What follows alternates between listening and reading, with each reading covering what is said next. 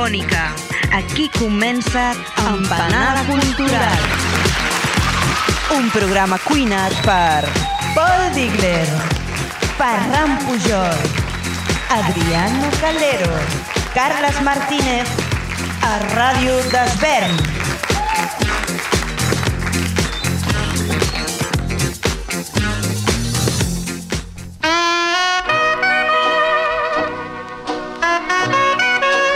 Nuestro querido y también odiado Heywood Allen, Buddy para todos los públicos, siempre nos lo ha recordado.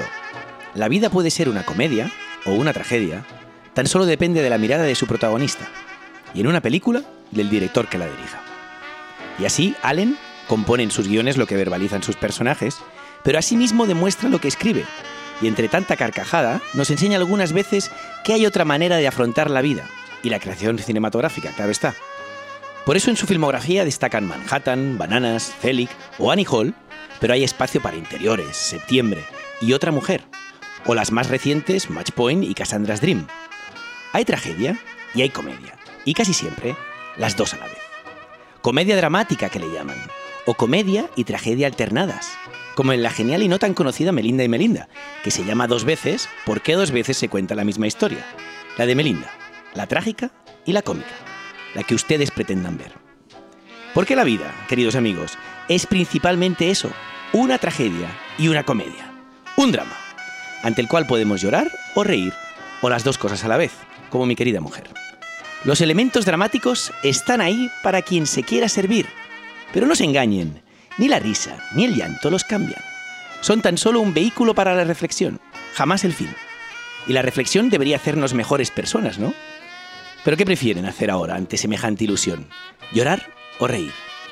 Visto lo visto, lo mejor será llorar, aunque muchos pensarán que lo adecuado es reír, por culpa de esa confusión tan generalizada de que riendo se es más feliz. ¿Pero se puede ser feliz frente a esta realidad que nos acontece? ¿En el transcurso de un año que hará de los almanaques del futuro todo un bestseller? Yo diría que feliz, feliz, solo si se es muy ignorante. Pero si lo que quieren es reír, rían, y confíen en mis compañeros que hoy vienen a hablar de comedia. Rían, porque total, la risa no es un fin, sino el camino para entender, tomando distancia, y tal vez algún día ser ciudadanos modélicos que ya no tendrán ni de qué reír ni de qué llorar, porque estarán muertos. Rían y a poder ser háganlo más con Allen que con Will Ferrell. Oh, a ver, Adri, però és que Will Ferrell és el protagonista de Melinda i Melinda. ¿Ven lo que les decía? Siempre es mucho mejor llorar. Así uno no se equivoca.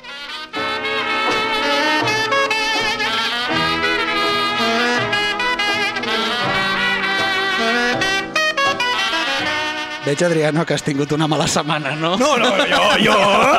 que va, hombre! No, s'ha de dir que, que tens tota la raó en quant a que la comèdia, si és buida, no té gaire sentit. I, de fet, eh, eh, com és aquella frase, Pol, de... La Más vale reír que llorar. No, i la, que la, no, no, la, la frase no es aquella... más, más vale pedir, ¿no? Como es que, que robar. Que això també se podria... No, aquella frase de eh, drama, és a dir, drama més temps igual a comèdia. No? És Sí, el- bueno, al final una tragèdia grega tragèdia era, la, era la, no, la tragèdia era la mezcla entre comèdia i drama, ¿no? Exacto, exacto. Y ahora tirando más de Allen, tenen- tenemos esa película buenísima, ¿no? Poderosa Afrodita, que juega un poco con esa reflexión. Jo, Allen, Però sí. fa molt de temps que li perdo la pista en el sentit comèdia, eh, Sí, de- sincerament. porque de hecho es verdad que hoy he tirado de Allen para introducir esta reflexión sobre la comedia y posiblemente el último Allen es muy autocomplaciente. Jo Es crec que un des de Allen- Blue Jasmine ja... Sí, exacto. Yo estoy totalmente de acuerdo contigo. La última peli, que es una comedia claramente, pero es incisiva, muy mordaz y que te deja ese sabor amargo de boca cuando te enfrentas al personaje en delirio total, ¿no? En el banco. Eh, hostia, es posiblemente sí, la última mejor comedia de Allen. Doncs aquí estem, com ha dit l'Adriano. Per... Intentarem fer-vos riure una micona perquè venim d'uns Sitges que ha sigut interessant, però un tant trist, que ha sigut una mica drama, tot i que el Pol no podeu pensar el mateix perquè va No, guanyar no, el premi. I la setmana que ve és la setmana de Tots Sants, és a dir, Halloween, i abans de fer plorar o fer por... I no, no intentarem- sants innocents, que ja sí que riuríem, eh? Sí. Tots, tots sants, Tots a sants. seques. I, i doncs el, el tema aquest, de que aquesta setmana la idea és intentar fer riure una micona al personal, intentar-ho. Una altra cosa és que ho aconseguirem, perquè una altra cosa que també es diu de comèdia, que és més difícil que el drama. Sí, es mucho más. De hecho, cuando piensas en pelis, buenas comedias, suele haber pocas. Bu- Bueno, quizás ahora me pongo muy, muy tontín, pero en el fondo es verdad, ¿no? Cuando piensas en géneros que haya dado grandes obras, está claro que el musical no es uno de ellos, y la comedia muchas veces peca de lo mismo, ¿no? Se dice, ah, buenas comedias no hay tantas, cuando en el fondo sí, hay muchísimas, Bueno. pero hay tantas que de alguna manera eh, como eh, eclipsan, ¿no? Es decir, todas estas películas, que además son películas quizás de las que nos vais a hablar, ¿no? ¿Son Sí. auténticas comedias o, Fem o son... Ara veurem la, la, la profunditat eh, de les comèdies. Abans de passar al menú del dia, recordem les xarxes so- socials. Tenim YouTube, Empanada Cultural, Facebook, Empanada Cultural, Twitter, Empanada Cultura, sense L, Instagram, Empanada Cultural, i tots els podcasts els trobareu a SoundCloud. Vinga, avancem al menú del dia.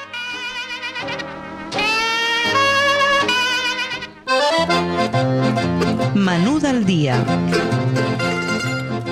Què deies, Adriano? Que No, no, no, exacto, que, que estoy, estoy como muy ansioso de, de ver por qué, por qué vía, qué vía vais a tomar para hablarnos de la comedia, ¿no? Porque creo que empiezas tú, Paul. Sí, sí, començo jo. El primer plat ja Que no és fort, eh? regales, El que no primer, regales, el primer plat està una mica passat perquè Will fa Ferrell. 40 anys d'aquest plat, però celebrem els 40 anys de, de l'inici d'una gran saga de comèdies, diguéssim, que és Aterriza como puedas. Airplane.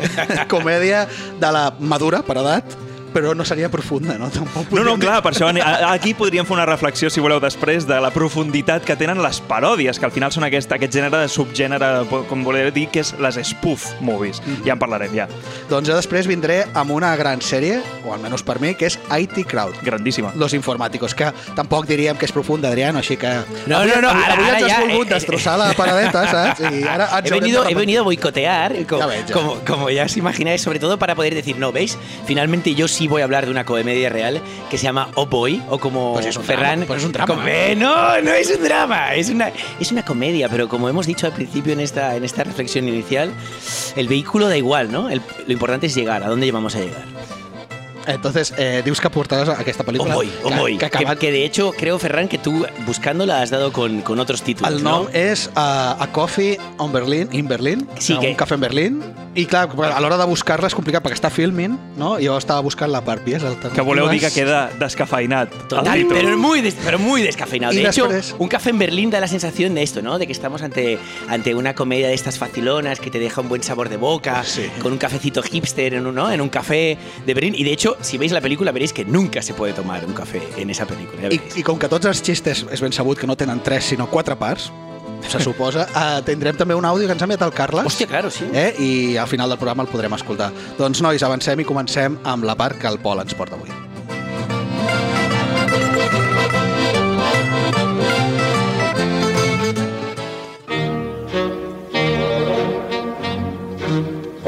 Cinema.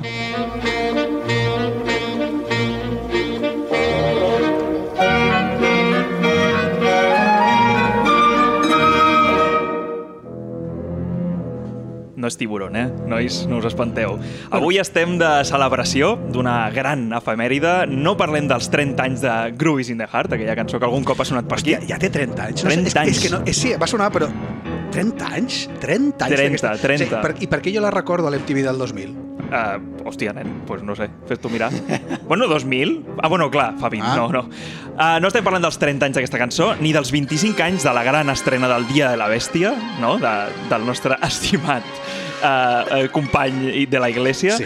uh, ni dels 90 tacos que té ja l'Àngela Lansbury Toma ja. de, de s'ha escrit un crim, tot i que després recuperarem una, una gran figura d'inspector en aquest, aquesta secció. Um, però no, avui us portem algú molt més absurd. Avui celebrarem els 40 anys d'aquest, això que està sonant de fons, que és Airplane, és a dir, aterriza como puedas.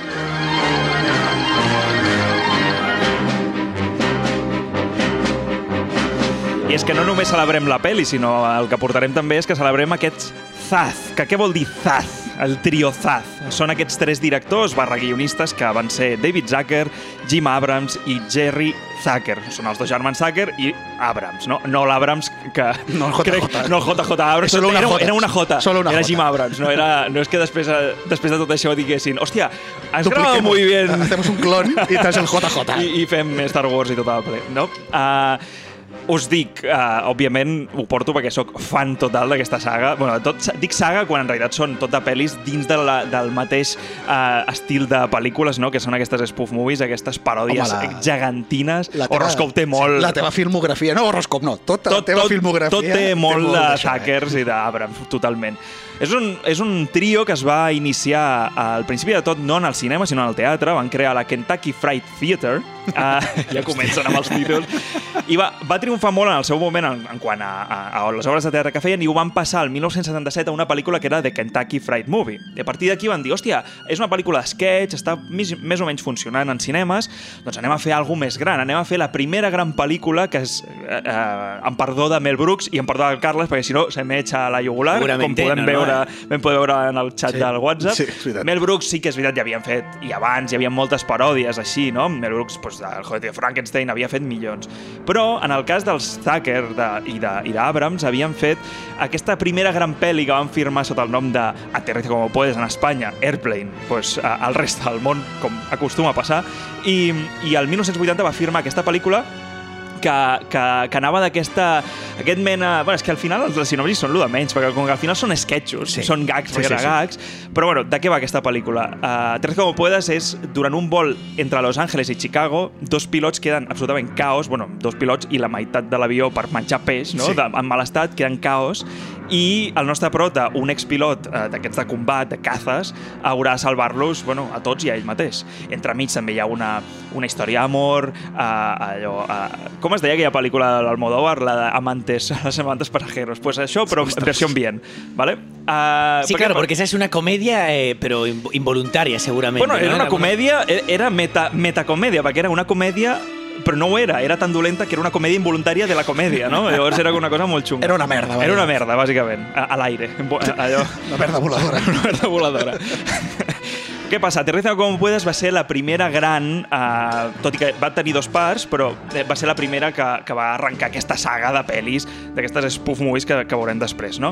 Um, i, I què passa? Que va encetar aquest gènere que ja l'havia encetat, doncs sí, Mel Brooks i altres, altres directors, però aquí els gags eren molt més visuals, o sigui, ja veurem que a mi m'ha costat molt extreure uh, gags, escenes, perquè uh, combinen els jocs de paraules, els dobles sentits, però sobretot humor molt visual, humor que passa en primer terme, en segon, en tercer, en quart, en cinquè terme. O sigui, una cosa bastant, bastant bèstia. I ells, com a trio, va ser bastant prolífic en aquest tema de paròdies. En aquest cas, Aterriza como puedes parodiava una pel·lícula del 57 que era Suspense, tres punts suspensius, Hora Cero.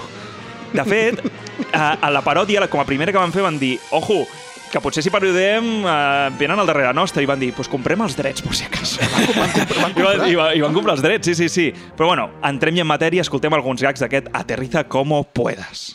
¿Nervioso? Eh, Sí. ¿Es la primera vez? No, he estado nervioso muchas veces. Hay que llevar a esa mujer a un hospital. ¿A un hospital? ¿Qué es, doctor? Un gran edificio lleno de enfermos y a veces no hay camas. Orden general, suspendan el servicio de comidas en todos los vuelos que salgan de Los Ángeles. Diga a todo el personal que permanezca en sus puestos. Será una noche larga. Un poco de café, Johnny. No, gracias. Comandante, ¿no deberíamos encender ya los reflectores? No. Eso es lo que esperan que hagamos. Elegí mal día para dejar de fumar. Escogí el peor día para dejar de beber. Escogí un mal día para dejar los tranquilizantes. Elegí un mal día para dejar de oler pegamento. Aquests gags, aquests gags repetitius, És que és no? absurd És que- molt absurd. Clar, ells el que jugaven era justament això, jocs de paraules, a, a, el metallenguatge total, um, i a més és una cosa que vaig llegir ara fa uns dies quan investigava sobre aquest, aquest trio, no? Deien, és que quan va triomfar tant aquesta pel·lícula, ens van demanar automàticament fer la segona, i van dir, pues que ja hem, hem esgotat Hemos tots els gags todo. sobre avions, Claro, es sobre estaba vols... imaginando, digo, ¿era una única obra de teatro o era una serie de obras de teatro que habían ido, no? No, l'obra de había- teatre era el Kentucky, eh? això era una pel·lícula a part que van fer el guió els tres. Això un dia estàvem veient la pel·lícula, Sí, sí, ells, però entenc que tot això xistes. també ve d'allà, no? O sigui, que estan recuperant una miqueta bromes que potser Bueno, el tenien, que van no? dir és, parodiem, que, eh, bueno, una pel·lícula, en aquest cas, parodiem tot el món de, de, dels avions, però sí que és veritat de que després, potser en pel·lis més endavant, sí que parodiaran coses molt més esquetxos de teatre, no?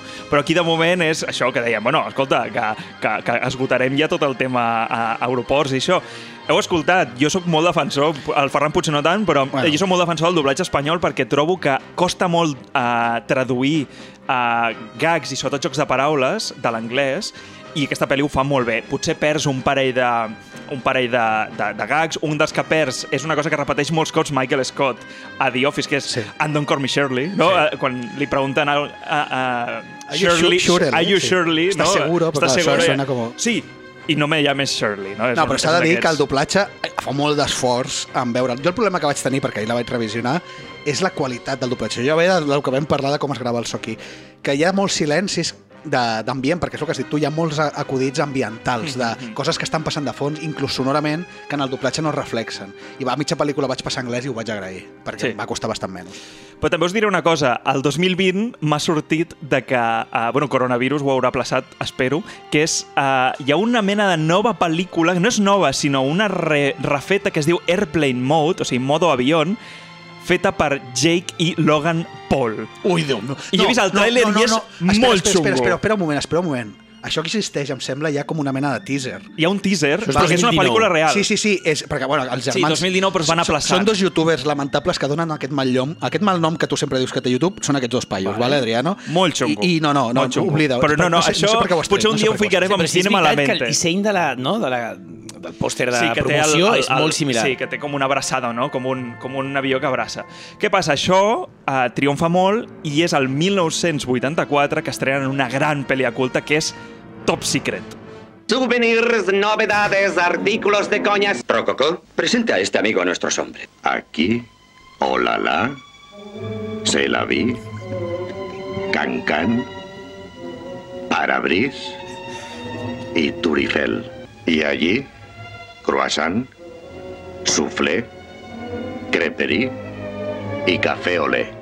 És que... Café olé sempre... A veure, he intentat...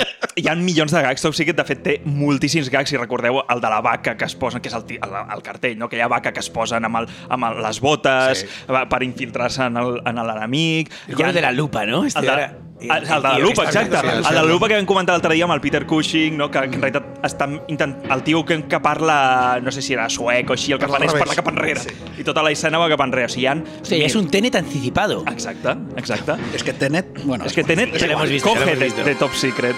No, però és, en aquest cas era uh, Val Kilmer, que pel que he llegit, crec que era la seva primera pel·li. Que era molt nota, jove, Val es nota, Kilmer. es nota. Uh, parodiava totes aquestes pel·lis de Segona Guerra Mundial, era ell un americà que... D'espionatge, no? Sí, Guerra exacte, Fria, de Segona tal, Guerra. recuerdo, sí. Uh, a més, a més parodiava Elvis. Ell mateix cantava les cançons, perquè és una pel·lícula musical, també.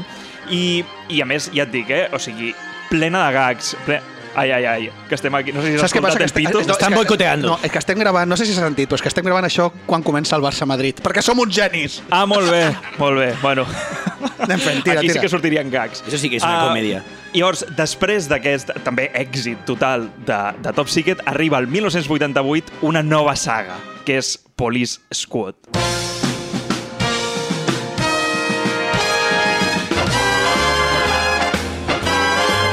Veritat, aquesta cançó per mi és la banda sonora de la meva vida. Jo sí que és de ca caminar constantment amb una música, és de conduir, és aquesta cançó. El o sigui, aquesta cançó Gazpacho Edition de l'any que ve, Sí, no? Vale. sisplau. O sigui, aquesta cançó... Bueno, no us hauré protegit, però... bueno, uh, estem parlant de, de Naked Gun, és a dir, agarra-lo com puedes, però prèviament uh, un dels Zucker, el David, David Zucker, havia fet una, una sèrie per televisió que es deia Police Squad. Llavors ells des, va triomfar una merda, però van dir, hòstia, però les pel·lis, no la tele, les pel·lis estan triomfant, les que estem fent, doncs passem-ho. I quan la van passar a cine, va triomfar i van fer, de fet, tres pel·lis. Uh, què va passar? Per què va, per què va fracassar aquesta sèrie en televisió, que van ser pocs capítols? Sis capítols, no? Havíem dit. Sí, doncs mira, sis capítols. Perquè Amèrica, la tele, o sigui, això van fer un, inclús una enquesta perquè va fracassar, i és que no, la, els, els espectadors no podien entendre l'humor amb capes, és a dir, que hi hagués l'humor en diàleg, l'humor en primer terme, l'humor en segon terme, Pel es tamany- saturaven, es saturaven. A part de, per, suposo, per la, per, també pel tamany de les televisions, inclús. Potser la qualitat de la Pot imatge ser, també. no ajudava a entendre Però va fracassar fa- ostres, absolutament per això. ostres. Per exemple, hi havia un gag, a mi bueno, és un gag hi ha molts gags eh, destacables, però a, a la sèrie hi havia un que està a una gasolinera i li diu llénemelo. I mentre estan parlant en primer terme, que, i estan parlant i estan fent conyes, doncs de segon terme estan posant els gent, està sí. carregant el cotxe d'una una taula de surf o no sé què. Clar, tot això als Estats Units pues, es veu que, que saturaven i, i que va fracassar És absolutament. Fill Me Up, em sembla que és que no està. Y aquí ya, pero aquí estamos hablando de que ya tiraban de, del pedazo de actor este. Ah, eh, Leslie Nielsen. De Leslie, Clar, Nielsen, Pero ya lo- aterriza i ja, ja sortia. aparece, la ¿no? primera Vale, ja sortia vale. així gran. Sí, sí, sí. Pasa que aquí ya es protagónico. Aquí es el protagonista. aquí és- Tanto de la serie como de Exacte, las pelis que, exacte, que, exacte. que vendrán después. Sí, sí, ¿no? sí. Escoltem alguns gags, per favor. Esa no es forma de morir. Sí, tienes razón. Un paracaídas que no se abre, eso sí es forma de morir. Quedar atrapado en el engranaje de una máquina. Que un lapón te muerda en los huevos, así es como yo quisiera morir. Wilma, te lo prometo, sea quien sea el que hizo esto, nadie en todo el cuerpo descansará un solo minuto hasta que esté entre rejas. Vamos a comer algo. Sí, vamos. Bueno, Venga, vamos, chicos. Uh, I després d'això ja el 1991 és quan hi ha aquesta escissió de, del trio Zaz. Uh, no entraria dins de- d'aquest Aterriza como puedas 40 anys que estem celebrant, però és una gran, que és uh, una paròdia de Top Gun, Rambo, totes aquestes també de guerra, que és Hot Shots amb un Charlie Sheen absolutament bestial. Me cago en la mar. Pues no se me ha volado la gorra, que den la vuelta enseguida. Pero señor, tenemos una misión. Cierto, sí, la recogeremos a la vuelta. Pero fíjese bien dónde ha caído. Lance a Rabinovich en una balsa y que reme en círculo hasta que volvamos. Tardaremos días. Pues que se lleve víveres, hombre, que se lleve víveres. Sé que en este momento me odia, pero quisiera que aceptara esto. Es lo único que he podido ahorrar en estos últimos 10 años. No es gran cosa, 2.500. Ojalá pudiera darle más. Chopper, eres un encanto. Con los tres millones que acabo de ganar en la loto, te aceptaré estos 2.500 y me los fundiré en sombreros. Eh, son ustedes unos muchachos estupendos y cuando les miro me digo lo que yo daría por tener 20 años menos y ser mujer. Sempre aquests, aquests jocs no? finals i tal. Però sí que és veritat de que Hot Shots, per mi, és de lo millor que han fet, de lo millor, i a més aquest Charlie Sheen, que jo crec que funciona molt bé. O sigui, el fetitxe crec que era el dueto Leslie Nielsen Leslie amb, amb Joy Bridges, el sí. pare de Jeff Bridges. Era, era que sempre sortien. Aquí el que sortia, el de onda que se m'ha volat la Sí. gorra, era el Joy Bridges, també. Sí, sí. Però és que Charlie Sheen jo trobo que té un porte en comèdia a sèria, o sigui, allò de a tu estàs actuant tota l'estona sèrio, però el que estàs dient és una bajanada total, i Charlie Sheen se lleva la palma absolutament. Hot Shots té dos parts, les dos, per no dir igual de bones, o sigui, aquella escena mítica de la gallina metralleta, sí. dels punys banyados en, en, en toppings Oh, per fer la sí, lluita. es muy grande. Està planíssima de... Uh, o sigui, si us agraden les paròdies, mireu aquestes pel·lis perquè realment és una passada. Després sí que és veritat de que ja van entrar a fer molt més tard aquestes paròdies com Màfia, no? que era una paròdia... Tu A mi m'agrada molt. Tu t'agrada molt, Ferran. A mi m'agrada. Eh, és molt bona, que parodien tot, des de Padrino, a Goodfellas... I. Jurassic Park. Sí que és una cosa Ja, ben posada, no? Sí, ja que estem. I després, és una cosa que em va sorprendre, jo em pensava que les de Scary Movie eren seves, perquè és molt el seu rotllo, però entren a fer Scary Movie 3 i 4. Uh -huh. uh, I la 4, us diré jo, que és per mi la meva preferida, que és, òbviament, en Charlie Sheen, que parodia el, La Guerra de los Mundos, parodia totes aquestes pel·lis, i hi havia un gag que era boníssim, m'ha vingut al cap, que era Charlie Sheen eh, amb la noia, que és la típica noia aquesta de, de que surt aquestes pel·lis, que, que surt corrents perquè ha pujat a casa, sentia un soroll i veu el, el nen aquell de, de la maldició, no? que veu, eh, Ah, el el veu de cop, surt corrents no? i topa amb el Charlie Sheen al carrer i diu he vist, he visto una cara i el Charlie Sheen super serio però tenia, tenia nariz? Uh, sí entonces sí que era una cara en plan, tenemos que, tenemos que irnos. O sigui, és, eh, realment, us dic de veritat és un, són pel·lis que ja s'han deixat de fer mm, per alguna estranya raó que no el logro comprender però s'han deixat de fer però, però us animo a revisar-les. A, a, a mi m'encantaria fer una marató total o sigui, algun dia podríem fer Podríem una fer-ho, marató total però, però sí, sempre va bé i referent total, en el meu cas, re- referent totalíssim. Yo he de decir que realmente de todas esas pelis que has comentado, las que más me atraparon, quizás por la edad, ¿no? Porque al final, cuando llegan a, a tu vida, las pelis te debe coincidir también con, yo qué sé, tenía igual 10, 11, 12 añitos, las de Atrápalo, Sí, agárralo, agárralo, agárralo. realmente, ¿no? Que aquí era, eran, estaban traducidas, o sea, Aquí- agárralo como puedas, Sí. uno, agárralo como puedas, dos y medio, y, I después tres- agárralo como y puedas, 33 y un tercio, Això, ¿no? 33 i un tercio. Que son las que, las que he entendido que derivan de esa serie Police Squad. Sí, i Police Squad és aquesta sèrie que es va cancel·lar en pocs episodis, però val molt la pena si la busqueu, que la trobareu segur. Val molt la pena, protagonista Leslie Nielsen. Uh, bueno, una bogeria, però bogeria absoluta, que després potser inclús et diré que les pel·lis, al ser cinematogràfiques, es van reduir en algunes coses, però la, la, set, la sitcom és... Quiere decir que tenía menos boja mala que te hostia cagues. o... Menos Boja. mala hostia o... No sé si és mala hòstia. Després veurem ara que entres tu, Ferran, a parlar d'A.T. Crowd. També Ah, hi havia sí. aquest humor una mica negre a vegades. Sí, que, perquè una cosa que s'ha potser s'ha perdut és aquesta mala bava, no? Sí. Amb la correcció política. Sí, perquè a Airplane, tu que la vas tornar a veure ahir a Tercer Como Puedes, hi havia alguna broma de, de coses... O sigui, el tema... Racistes. Bastant, racistes, bastant uh, pedo. Sí, també. Ah, ostres, sí, el, el, el pilot, sí. Oye, ¿has estado nunca en un baño turco? O, Sí, o, o, o, o de l'aborto, no? De... ¿Quieres que abortes? Bueno, que recomanem a saco, a saco. ¿Y qué se ha hecho de Leslie Nielsen? Murió. Bueno, murió. Sí, pero que... La última, Ah, pero més va último- morir la seva última pel·lícula és Spanish. Sí, no, sé- no sé si No. Spanish Movie, però és una comèdia Sí, espanyola. esta la comentamos aquí precisamente porque era dirección de Ruiz de Caldera, que era el tío que está detrás de Malnacidos, ¿no? Inauguración en Sitges, y que precisamente es su, su inicio en el mundo del cine, ¿eh? Spanish Movie. Pues, mira, tío. pues se cargó a Leslie Nielsen.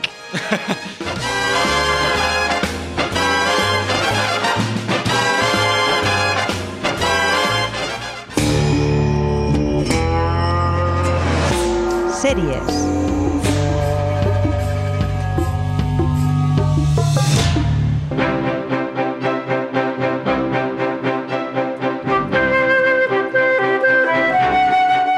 L'escurçó negre. Avui que estem de comèdies jo us vull portar el que tot segur, tot segur hem mamat, hem, hem vist en el nostre passat televisiu, no? Almenys aquí a Catalunya, que són les comèdies de situació britànica. Vaja, les sitcoms britàniques, o millor dit, les Britcoms. Toma ja, eh? Sí, sí, tenen nom propi. I és que aquí ja ho dic, eh? Hem mamat Hotel Faulty, Aló, Aló, Sí Ministre, El Jove, Salut i Peles, A Dalt i a Baix, L'Escurçó Negre, Mr. Bean, El Nan Roig i moltes més. Si us fixeu, ho he esmentat les més clàssiques. Aquelles que defineixen ja no només la graella dels inicis de TV3, sinó el mateix estil i que inspiraria la producció pròpia de comèdies a la televisió catalana. Totalment. I és que els catalans, per alguna raó, ens agrada emmirallar-nos amb l'humor anglès. Com si per proximitat se'ns hagués d'enganxar una mica de classe, elegància i intel·ligència. Però bueno, podríem posar un dubte. Hi ha hagut grans comèdies catalanes, eh? tot, tot s'ha de dir, però anem a les britàniques. Sí que és cert que hi ha hagut moltes més comèdies vin- vingudes d'Anglaterra més enllà d'aquests clàssics, i tot i que no han aconseguit aquest nivell d'influència social de les nombrades abans, jo vull rescatar, doncs, precisament, una de les meves preferides.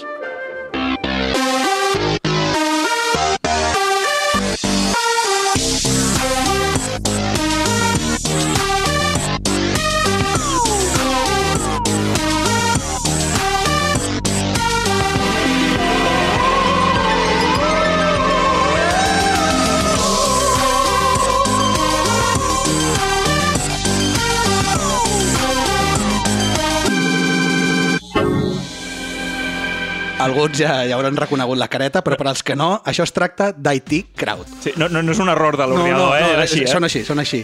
Eh, o com es va traduir aquí, els informàtics. IT Crowd, els informàtics. És una sèrie de Channel 4 que originalment va tenir quatre temporades de 2006 a 2010 i un episodi extra el 2013, bastant dolent, tot s'ha de dir, eh? Mhm. Creada per Graham Linehan i protagonitzada per, ojo que els noms són difícils, Chris O'Dowd, Richard Ayoade i Catherine Parkinson. Bueno, doncs no eren tan difícils. Ens mostra les desventures de l'equip de suport informàtic de la Rainhorn Industries, una macrocorporació al vell mig de la City de Londres de la que no sabem realment mai a què es dedica. Sí, no? És un dels gags recurrents de la sèrie. És esta empresa, hemos ganado tanto, però no et diuen mai en què. No? És, és aquest tema. L'equip d'informàtics està aïllat al sub, sub, sub, sub, sub, sub, sòtan, bàsicament, de l'edifici, com repudiats per la resta de llupis que hi treballen, i només contacten amb ells quan necessiten que els hi arreglin algun problema amb els ordinadors. I com per venjar-se de l'ostracisme als que, al que estan sotmesos, i de pas fer una mena de burla als coneixements informàtics de l'usuari mitjà, sempre donen la mateixa solució amb vagància. Hello, IT. Something's wrong with my computer. Have you tried turning it off and on again? no, no, no. Oh dear, thanks. Hello, IT. Have you tried turning it off and on again? Hello, IT. Yeah, have you tried turning it off and on again? Hello, IT. Have you tried turning it off and on again? Have you tried sticking it up your arse? A més, és que ara m'ha vingut al cap, no sé si veu arribar a veure, segur que sí, eh? Little Britain. Sí, és, la, la, Little la, Britain és una era- miqueta anterior a aquesta, però sí. Doncs que també tenia molt d'humor negre. Tenien una frase molt recurrent, que hi havia un personatge que era... Computer says now. Exacte. Que era... Sempre hi havia un personatge que era una senyora, bueno, era un home disfressat. Una, era Ah, funcionària. Era, sí, sí, sí, era una funcionària que tant te la podies trobar a, a, a rebent, o sigui, com anar a una agència de viatges, com no sé què, i sempre demanaves alguna cosa, i dius, no, és que jo vull anar a, a no sé, a tal lloc. Taca, I diuen, taca, i a més, sense mirar, la, saps? Et mirava la cara, taca, taca, taca, el, el teclat... La resposta era la mateixa, no? says no. El ordenador dice que no. Era sempre lo mismo, sí, sí. I és que l'humor informàtic hi té una gran presència, ja que tant el Roy Dodout o el Moss de Yoate són uns autèntics nerds, però autèntics. És a dir, realment els escriptors saben del que parlen, eh? Ja sigui un robot desactivador de bombes que funciona amb Windows, i per tant, segur que falla, o riures estúpids entre ells perquè algú no sap diferenciar que la RAM també és memòria, és un xiste molt d'informàtics, Adrià, no, no facis aquesta cara. Tot gira entorn a com els ordinadors que tant els agraden els hi permeten guanyar-se la vida i evitar interaccions socials que se'ls farien certament incòmodes. Fins i tot, eh, si hi ha un incendi a l'oficina, com creieu que reacciona en Moss? Subject Fire. Dear Sir Stroke Madam, I'm writing to inform you of a fire. No, that's too formal. fire! Exclamation mark. Fire! Exclamation mark. Help me! Exclamation mark. Looking forward to hearing from you. All the best, Maurice Moss. Ja sabeu, ja sabeu que als britànics els encanta això d'enfotre-se'n de les minúcies i petites i absurdes complicacions de la modernitat en la que estem submesos. No? És a dir, per què enviar un mail en comptes de trucar per telèfon? Ell perquè se sent incòmode, però és que al final diuen és que em- respondran abans a un mail que potser m'agafaran el telèfon. Això, Adriano, és la teva experiència amb No, el de hecho, cuando ¿no? estaba ya con la primera broma, no, con la primera broma que, bueno, con el primer corte que has puesto, yo ya estaba sintiendo como esa, como esta serie llegaba a mi vida. A tu proximidad, ¿no? Bueno, tú intenta llamar a Orange con un problema técnico y seguramente una de las primeras eh, preguntas, respuestas es... eh, Has ha intentado, probado. exacto, ha probado usted de resetear el Bueno? ¿cómo era? Lo estás haciendo mal, ¿no? Es la gran No, no, bueno, esto ya es el SEPE, no, esto ya es el SEPE, esto ya es otra realidad, ¿no? Orange aún son medianamente educados, lo- los del SEPE ya es otra historia. Per exemple, a l'univers d'IT Crowd, eh, si necessites una ambulància, eh, més val que tinguis bona memòria o paper i llapis per apuntar. From today, dialing 999 won't get you the emergency services. Remember the new number.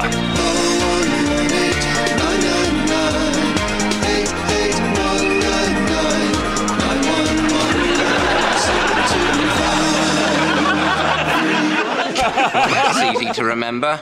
0118 999 88199 9119 725 3. O sigui, és canviar el, el, el 9-11. Sí, sí, el, el, el 060, diguéssim, Sí. aquí, per un número impossible, Impossible. i 3. Però per, per Sempre fer un, al final, eh? Sí, però per fer el jingle, no? Sí. Aquest. Tampoc falta la mala llet britànica. Bé, bé, bé, perdó. Ara ja no es considera mala llet, sinó mal gust, no? Exacte. No sé jo si gags com la baralla èpica entre el misògin nou cap de l'empresa i la seva nova parella, que resulta que és transexual, on atravessen parets, escriptoris, vidres, i on acaben a hòstia fina davant de tota una sala de conferències plena, es podria fer avui sense incendiar Twitter. Ho menteixo, sí que ho sé, perquè resulta que aquest mes, i després de molts anys de crítiques, cap a aquest episodi, l'han retirat. Channel Sí, 4 tio. ha decidit que no, que este episodio no cumple los estándares de buen gusto actuales. Vaya pena, i l'han retirat. Sí, sí. També s'ha de dir que suma als motius d'aquesta decisió l'actitud del propi creador, d'en Graham Linehan, que ha tingut sempre comentaris molt despectius cap a la comunitat trans i que aquest mateix estiu ja va ser eliminat de Twitter precisament per aquest tema. Però en aquella època encara s'atrevien amb tot, és el que deies abans amb Top Gun, eh? Ja fos la menstruació, la paraula pedòfil, o en un dels meus gats preferits, eh, fer-se passar per discapacitat perquè t'han pillat pixant al lavabo de minusvàlids. I'm disabled. How long have you been disabled? Ten years. Ten years. And how did it happen, if that's not a rude question? Acid. what are the chances of that happening? Hundred to one. You look like you could do with a drink. Whiskey. Però és que, a més, aquest capítol, que és boníssim... No, tot aquest episodi aquest és del meu episodi per mi és dels millors. Perquè comença acabant a veure un musical Sí. que es diu Gay, el Gay. musical, i la frase és no fa falta que ho diguin, tots els musicals són gais, no? Que a més, eh, que, que van a partir del nou cita, nòvio... d'una cita que té la Ah, sí, gent exacte. que diu, no, no, jo no sóc gay. Sí, Però si sí. llegeixes la no sé què, la llegeixes aquesta revista i vas a veure musicals. Pues, hi ha un moment boníssim, però és que ara he recordat això, però és boníssim només per l'expressió, eh, que és... Eh, se l'emporten a ell en cadira de rodes i entra, saps el, el típic, a la típica furgoneta que s'emporten els minusvàlids, sí? que és amb una plataforma que va oh. a, a, a 0,3 per hora pujant i se l'emporten i ell somrient a tothom, en plan, tothom el va despedir amb la mà, saps, en plan, adeu, saps, com si fos, com sí, sé, algú... El Titanic. Eh, Com si fuera cruzar el Atlántico, Adiós, ¿no? que vaya muy bien, i ell així amb una cara com...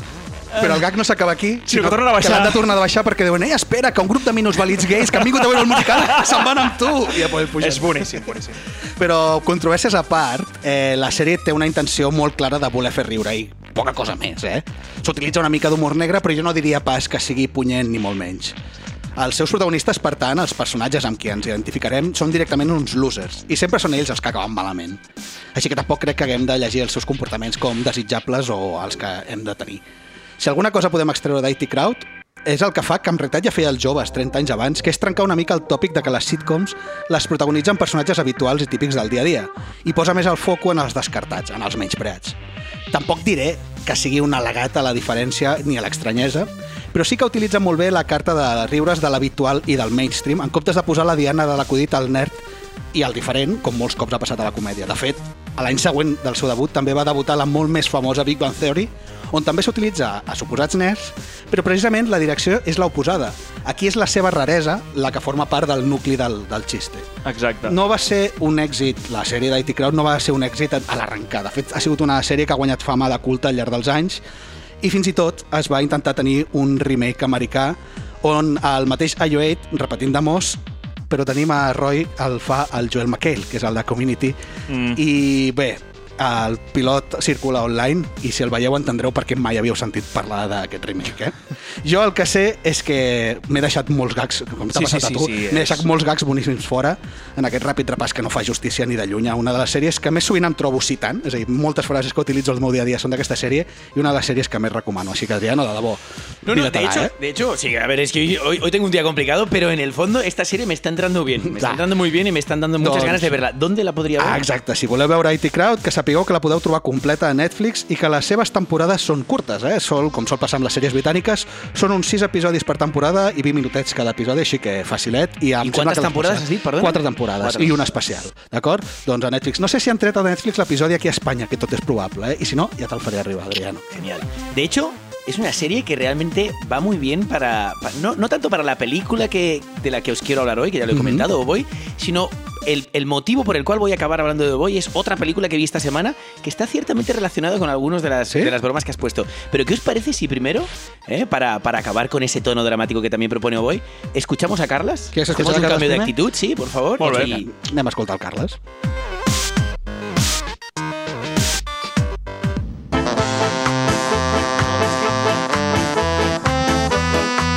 Còmics.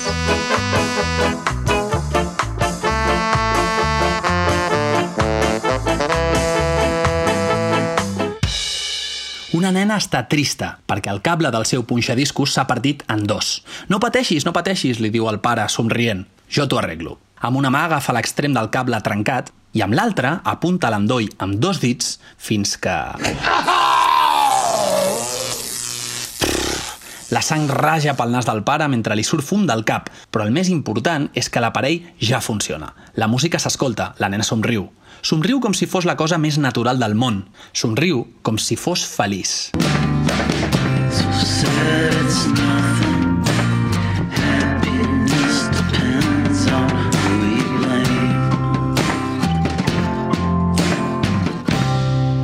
Estem parlant de la portada de Schmilko, el disc que va treure l'any 2009 la banda de rock alternatiu Wilco, liderada pel compositor i vocalista Jeff Tweedy. Un disc on, curiosament, el grup toca una cançó titulada Happiness. La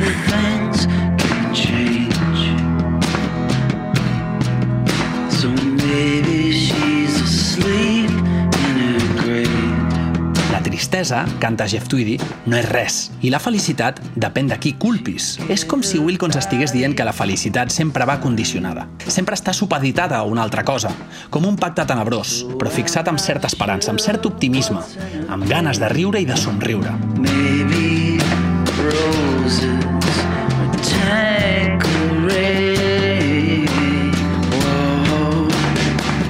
Bé, arribats a aquest punt, podríem pensar perfectament en aquella Happiness de Todd Solondz, una pel·lícula sobre la família que també posava el dit a la llaga de les convencions, de tot allò que assumim, que donem per segur. Però sobretot, parlem de la portada de Schmilko, parlem de l'art del dibuixant Joan Cornellà, parlem d'una nena que balla escoltant el seu tocadiscos, despreocupada davant un món que sangra, que es crema, que treu fum del cap. Aquest és l'art de Joan Cornellà, un caricaturista nascut a Barcelona que durant els darrers anys ha adquirit renom a través d'internet com un artista de la provocació que fuig de la fama convencional, de les presentacions en directe, de les entrevistes cara a cara. I ho fa per submergir-nos en les vinyetes d'un humor brut, àcid, despietat, que juga amb colors pastel i una sèrie d'estrambòtics personatges pintats a mà per invocar tota la distorsió trash del seu bagatge cultural dels 70 i traslladar-lo a la nostra època, al món que ens envolta, a tot allò que coneixem i donem per sabut, però sobretot, sobretot, Joan Cornellà ens parla amb el seu art de l'estupidesa. L'estupidesa que portem a dins, ara i sempre. Per pineapple a pope.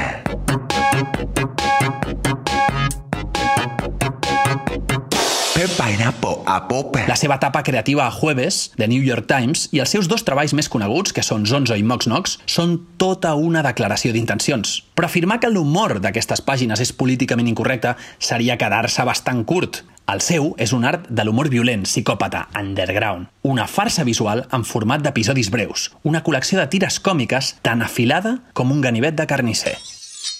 Parlem d'imatges que van des d'una dona occidental en biquini fent-se un selfie amb un bebè famèlic de l'Àfrica que porta els braços, fins a la imatge d'un home que somriu i precisament li falta això, els dos braços. Però res no li impedeix vestir una samarreta on posa Free Hugs.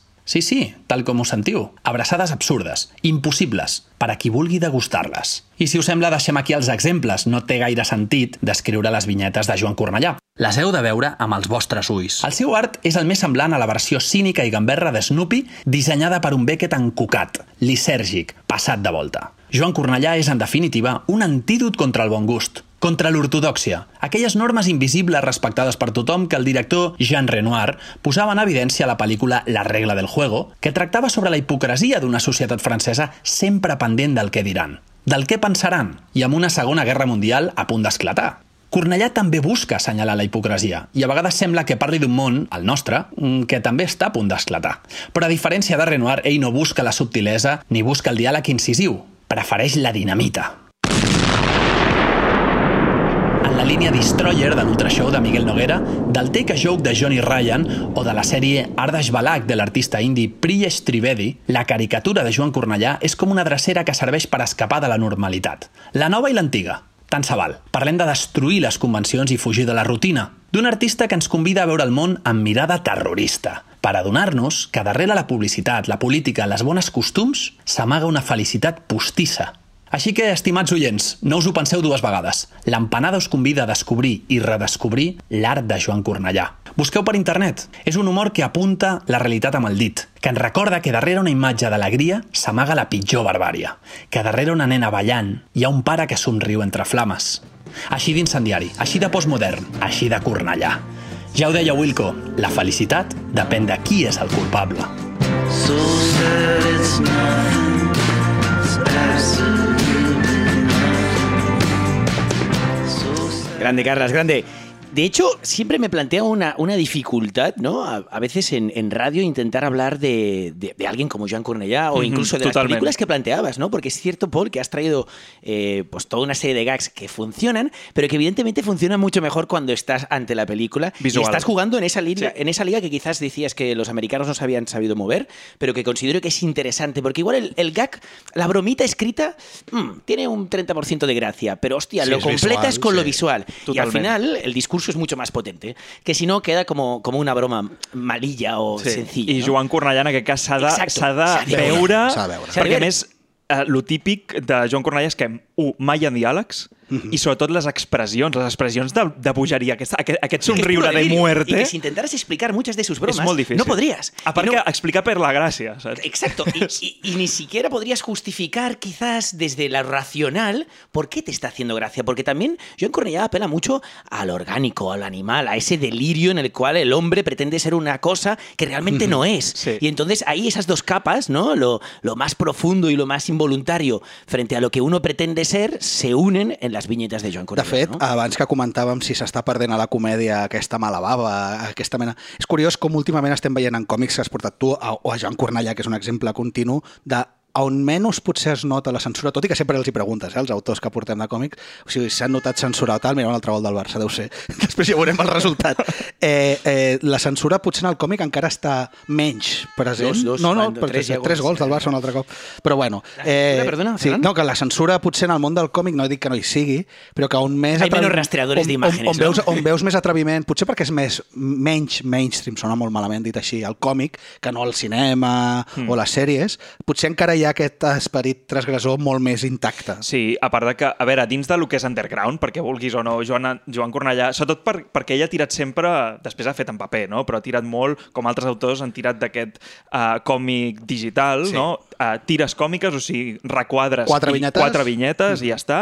I, I jo crec que també això ha aportat molta llibertat, des del Panel Syndicate també, que és uh, aqu- aquella web que hem comentat algun cop, que és on tu publiques... I la gent eh, paga el que vol. i La gent paga el que vol i això, també s'han trobat moltes coses, però un altre cop, aquest tipus d'humor que, que és molt complicat transmetre, o sigui, us animem totalment, totalment. tothom el coneix, òbviament, Sí. Joan Cornellà, però uh, ja, no, no us diria llegiu-lo, no, Pero no, lo llegireu, positivo, mireu-lo. Lo, lo positivo finalmente es eso, ¿eh? que al menos lo conocemos. ¿eh? Sí. Que un tipo de humor que uno Sí. a veces duda de cómo ha llegado a esos niveles, ya no solo de calidad, sino de difusión, dices, hostia, ¿esto es posible? És que, sí, menos és, que- mal. És que, es aquest, és que aquest món de xarxes socials i d'ironia present, eh, jo crec que Joan Cornellà és potser de les coses que més retuits o més reposts s'ha fet, eh? perquè segur que fins i tot a ta mare, bueno, jo no ho faria, eh? però no li envieu, potser no li retuitegeu a vostra mare una vinyeta del Cornellà. Bueno, pero sí que es cierto que esa, esa eh, visión quizás a veces crítica, ¿no? Sobre cómo la realidad se ha acabado reduciendo pues a un, a un, a un emoticono, y esto ah, siempre es criticable, en el caso de Joan Cornellà funciona, porque hay implícito tanto significado Sí, en una única sí. imagen como en un kanji, ¿no? A nivel, a nivel lingüístico, en un kanji chino o japonés, por I ejemplo. mira, jo afegeixo una nova referència que, de les que ha dit el, el Carles. Si us agrada, aquí hi ha text, eh?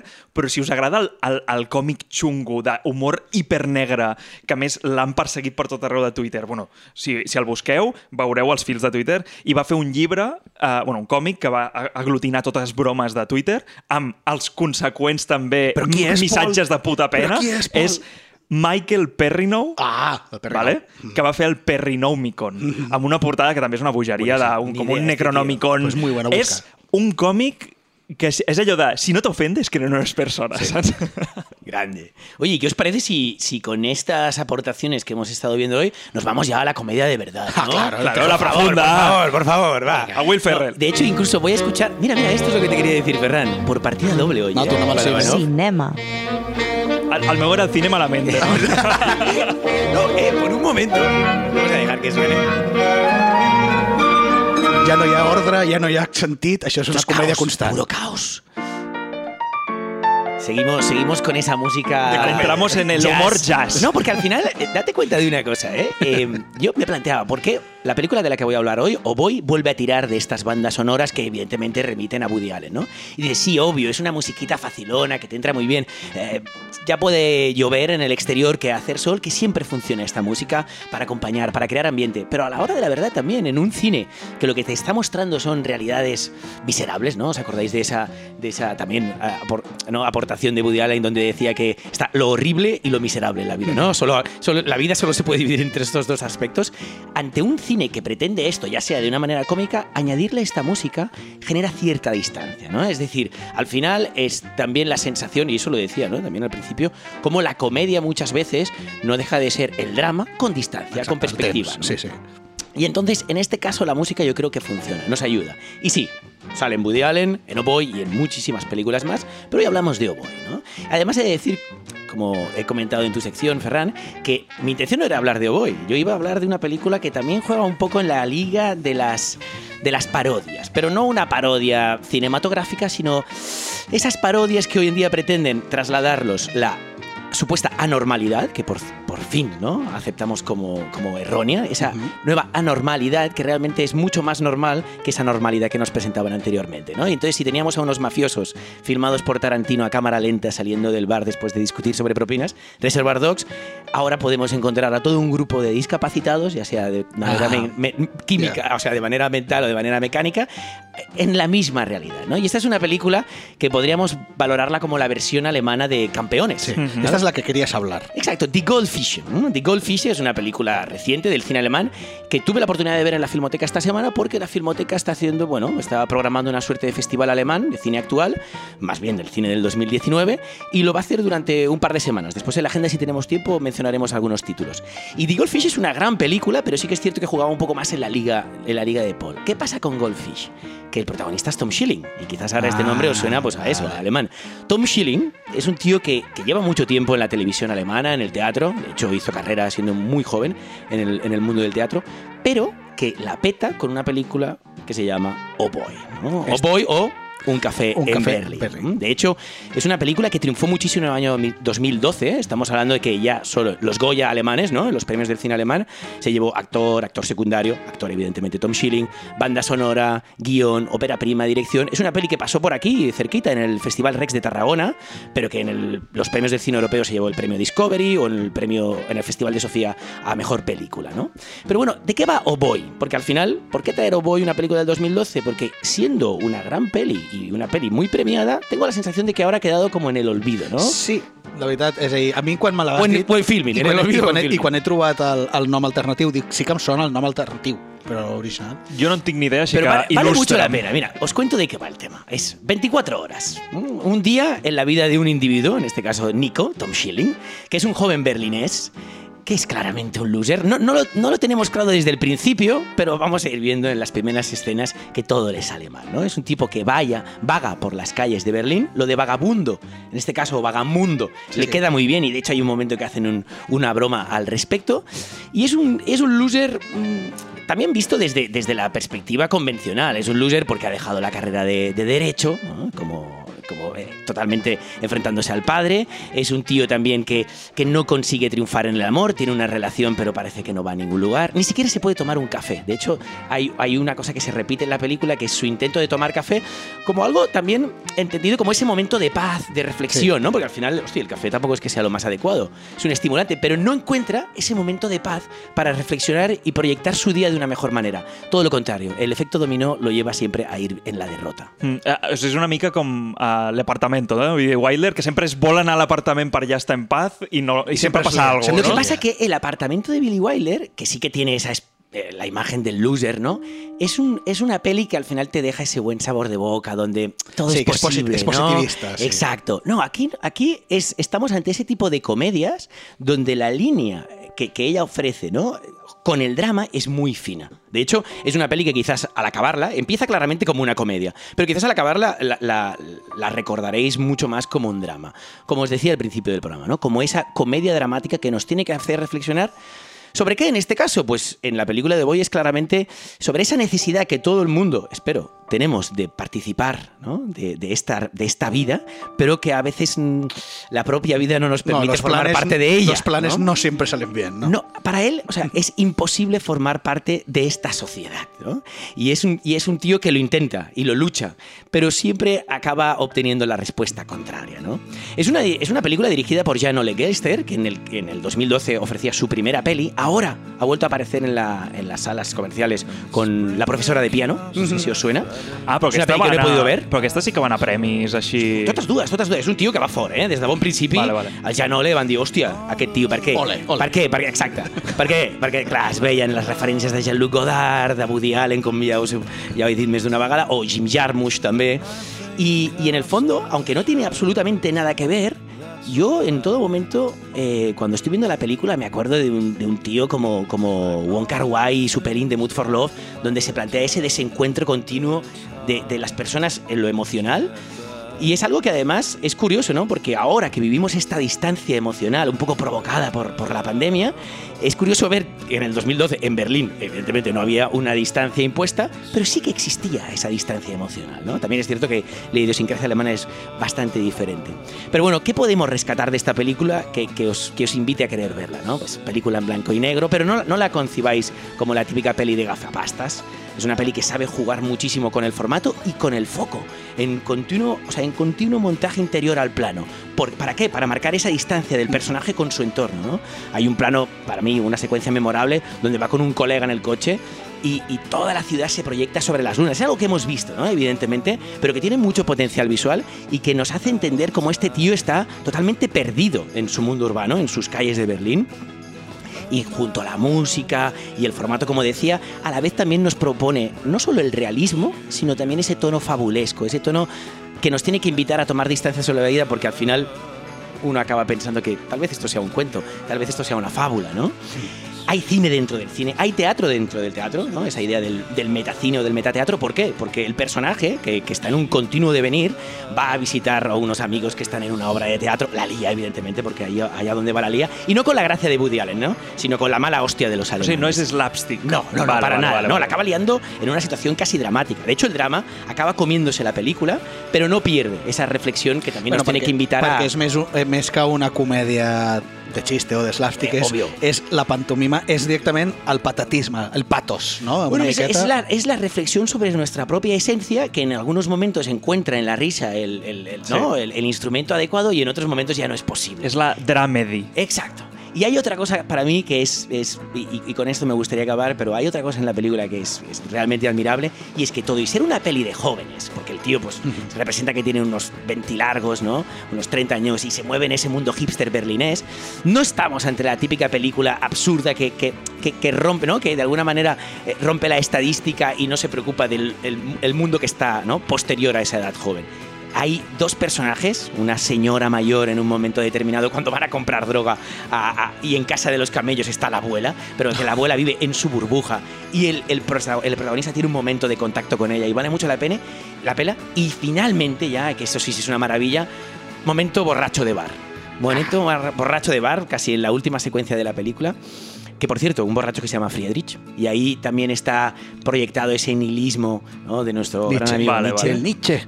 Y, esas dos secuencias en las cuales el protagonista pues, interactúa con personas evidentemente de, cierta edad, nos, mm, nos ofrecen pues esto, una visión global ¿no? del ciudadano, no tanto solo como el joven, hostia, que está en un fracaso continuo, sino como una sociedad que se tiene que andar de alguna manera cuestionando continuamente, incluso ¿eh? hasta los 80 años de este buen hombre llamado Friedrich. Yo os recomiendo muchísimo que la veáis. Aquellos que tengáis filming ya sabéis, no perdáis el tiempo. Y los que no, creo que Eh, Ferran no, también hay em sembla que- posibilidades, ¿no? ¿No? Molt poquetes, molt poquetes. Eh, ens queden Piratilla. Quatre, sí, ens queden quatre minutets. Passem a l'agenda? Por favor. Vinga, passem-hi.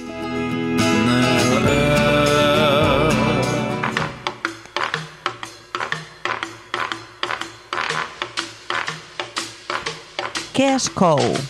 Tres minutets, ara, Dier. Bueno, en la liga de lo que venía contando, ¿no? Empezó este festival de, de cine alemán en la Filmoteca y continúa durante toda la semana. Hay títulos como Digo el Fish, que se vuelve a repetir, pero hay otras películas muy interesantes. Algo que me gustaría comentar al respecto es que no os penséis que es una, solo cine alemán, porque al final hablar de cine alemán hoy en día también es hablar de todas las culturas que Alemania ¿ah? ha, ha aceptado. Entonces tenemos un mestizo iraní con alemán, turco-alemán, japonés-alemana también en la dirección de, de muchas de las películas. Y en, en- en otro ámbito muy diferente empieza el Festival de Cine Asiático. Sí, sí, y empieza el jueves que viene, también ya sabéis que durará pues unos 10 días y del cual creo que podremos hablar en dos semanas.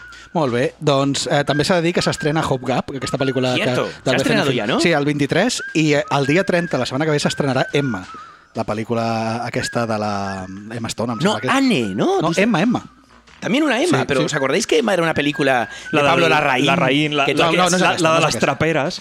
No és aquesta, No, però Emma és amb una M. Aquesta és Emma Emma. és con una M de, de letra. Sí. I després hi ha Emma, que crec que és, de, és, és rotllo d'època. Sí, aquesta. és d'època, però és una miqueta com la Coppola amb la... Sí, exacte, exacte, sí. Eh, I després, a sèries, torna The Mandalorian, temporada 2 a Disney+, Plus, i de videojocs, un que el Pol ens va dir que voldria jugar, que és Watch Dogs 3. Legion, s'estrena. Jo, jo no he jugat ni a l'1 ni al 2. O sigui, l'he vist jugar, Ja, però però que americanes perquè tractava del Brexit, sí. no? Ah, tal. El vale, Brexit clar, del futur que- és aquest. Ah, vale, vale, vale. és la distopia, bueno, és aquell mític, no? Allà saga Sí. distòpica de que al final és De un- hackers de i- hackers i tal, i, sí. sí, sí, sí. Doncs fins aquí el nostre especial comèdia. Tot que sé quina Vamos a llorar, chicos. Ara el Ferran editarà i posarà risses enlatades entre mig. Bàsico. Sí, no, no hem parlat de, lliure, de, de lliures, de risses enlatades. Bueno, de, la- el teu Exacte, IT Crowd IT Crowd és. eh, de fet, moltes sèries britàniques, també vaig estar buscant Mr. Bean i tal, acostumen a tirar-ho. Hi ha molts detectors de, del riure enllaunat, però deu tenir molt a veure amb el que dius de, la, de com ajuda el riure a la televident a sí, reaccionar. també. Eh? Sí, però després aquí un canvi de paradigma que un dia estaria bé portar-ho, que és The Office. Ah, The Office canvia, canvia ho la fan, comèdia absolutament. Òbviament, hem parlat d'algunes comèdies. El Pol ha portat aquests 40 aniversaris d'Aterriza como puedas. Jo us he portat una de les meves preferides, IT Crowd. El Carles ens ha parlat de, del Cornellà, que ja ho hem dit, aneu-lo a visitar. I l'Adrià ens ha portat una Su pel·lícula... casa, eh? Su casa. Sí. Hay que ir a visitar a Cornellà, precisamente, eh? I l'Adrià ens ha parlat d'una pel·lícula que és lo que també és veritat el que comentes, Adrià. no? Al final la comèdia està on la vulguem trobar, perquè la vida Pero está, ¿eh? un drama En- en que o rius o plou. En o Ogoy está plores. porque yo me, me troncho de risa al principio de la peli. Ahora, ¿hacia dónde vamos? Doncs saps on anem? A les xarxes socials. YouTube, Empanada Cultural, Facebook, Empanada Cultural, Twitter, Empanada Cultura sense L, Instagram, Empanada Cultural i tots els podcasts els trobareu a SoundCloud. Nois, ens veiem la setmana que ve, especial Sisplau. Halloween.